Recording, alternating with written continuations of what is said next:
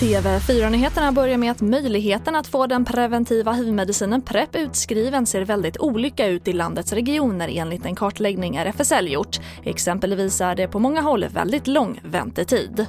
Det lever ju inte upp till hälso och sjukvårdslagen att det ska vara likvärdig vård i hela Sverige. Ja, men om köerna är så långa som de är i vissa, vissa, på vissa ställen så blir det ju ett problem i att människor kanske får hiv under tiden eh, som man väntar på att få PREP.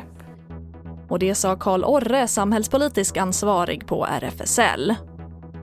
Och så till USA där en av president Trumps hårt kritiserade coronarådgivare Scott Atlas kastat in handduken samtidigt som smittan ökar.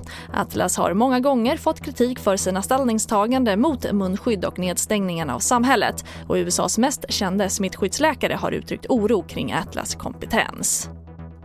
Och vi avslutar med att OS-ringarna nu är på plats i Tokyo igen inför de olympiska spelen i Japan nästa sommar.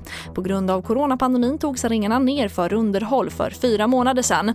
Men nu har de 15 meter höga ringarna satts upp igen vid Regnbågsbron i Tokyo. Och det får avsluta TV4-nyheterna. Jag heter Charlotte Hemgren.